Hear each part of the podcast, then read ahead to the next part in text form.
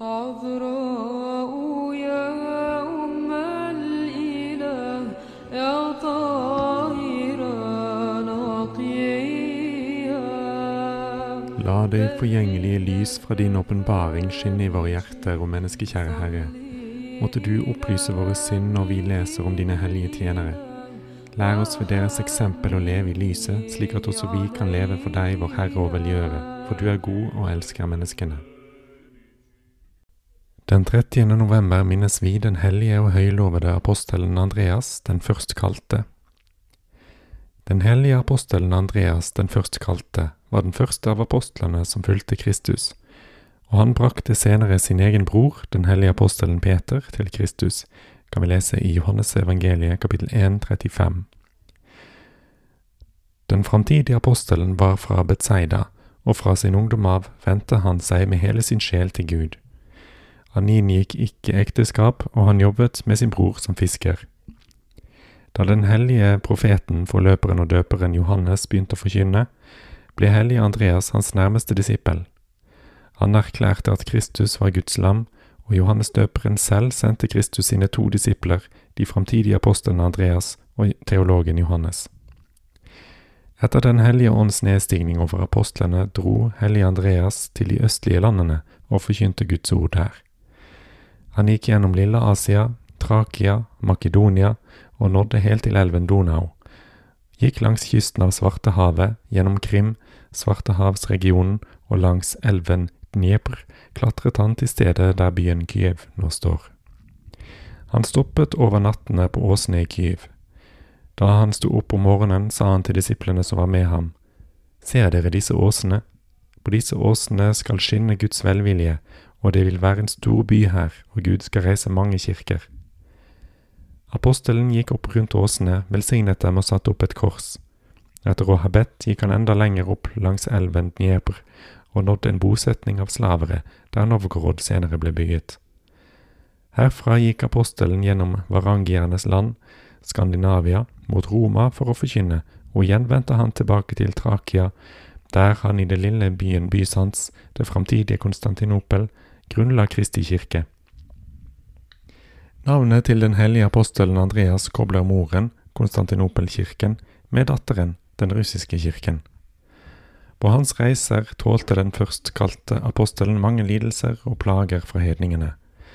De kastet ham ut av byene sine og slo ham. I sin hope pepret de ham med steiner, men uskadd fortsatte den standhaftige Kristi disippel å forkynne for menneskene om Frelseren. Gjennom apostlenes bønner utførte Herren mirakler. Ved innsatsen til den hellige apostelen Andreas ble kristne kirker opprettet, som han ordinerte biskoper og geistlige til. Den siste byen som apostelen kom til, var byen Patra, der han var forutbestemt til å lide martyrdøden. Herren utførte mange mirakler gjennom sin disippel i Patra. De uføre ble friske, og de blinde fikk synet igjen. Gjennom apostlenes bønner ble den velkjente borgeren Sosios frisk fra alvorlig sykdom, og Maximila og Stratokles, kona og broren til guvernøren i Patra, ble helbredet. Miraklene som skjedde ved apostlene og hans brennende forkynnelse, omvendte nesten alle innbyggerne i byen Patra til den sanne tro. Det var få hedninger igjen i Patra, men blant dem var prefekten for byen, Egatos. Apostelen Andreas vendte seg gjentatte ganger mot ham med evangeliets ord, men selv ikke apostlenes mirakler overbeviste Egatos. Den hellige apostelen forsøkte med kjærlighet og ydmykhet å appellere til hans sjel, og forsøkte å åpenbare for ham det kristne mysteriet om det evige liv, gjennom den undergjørende kraften fra Herrens hellige kors. Den rasende Egatos ga ordre om å korsfeste apostelen. Hedningene trodde at han kunne tilintetgjøre hellige Andreas forkynnelse hvis han drepte ham på korset. Den hellige Andreas, den førstkalte, tok imot prefektens beslutning med glede og med bønn til Herren, og dro villig til henrettelsesstedet. For å forlenge helgenens lidelser ga Egatos ordre om å ikke spikre helgenens hender og føtter, men å binde dem til korset. I to dager forkynte apostelen for innbyggerne som samlet seg. Folket, når de hørte på ham med hele deres sjel, fikk medlidenhet med ham og prøvde å ta hellige Andreas ned fra korset.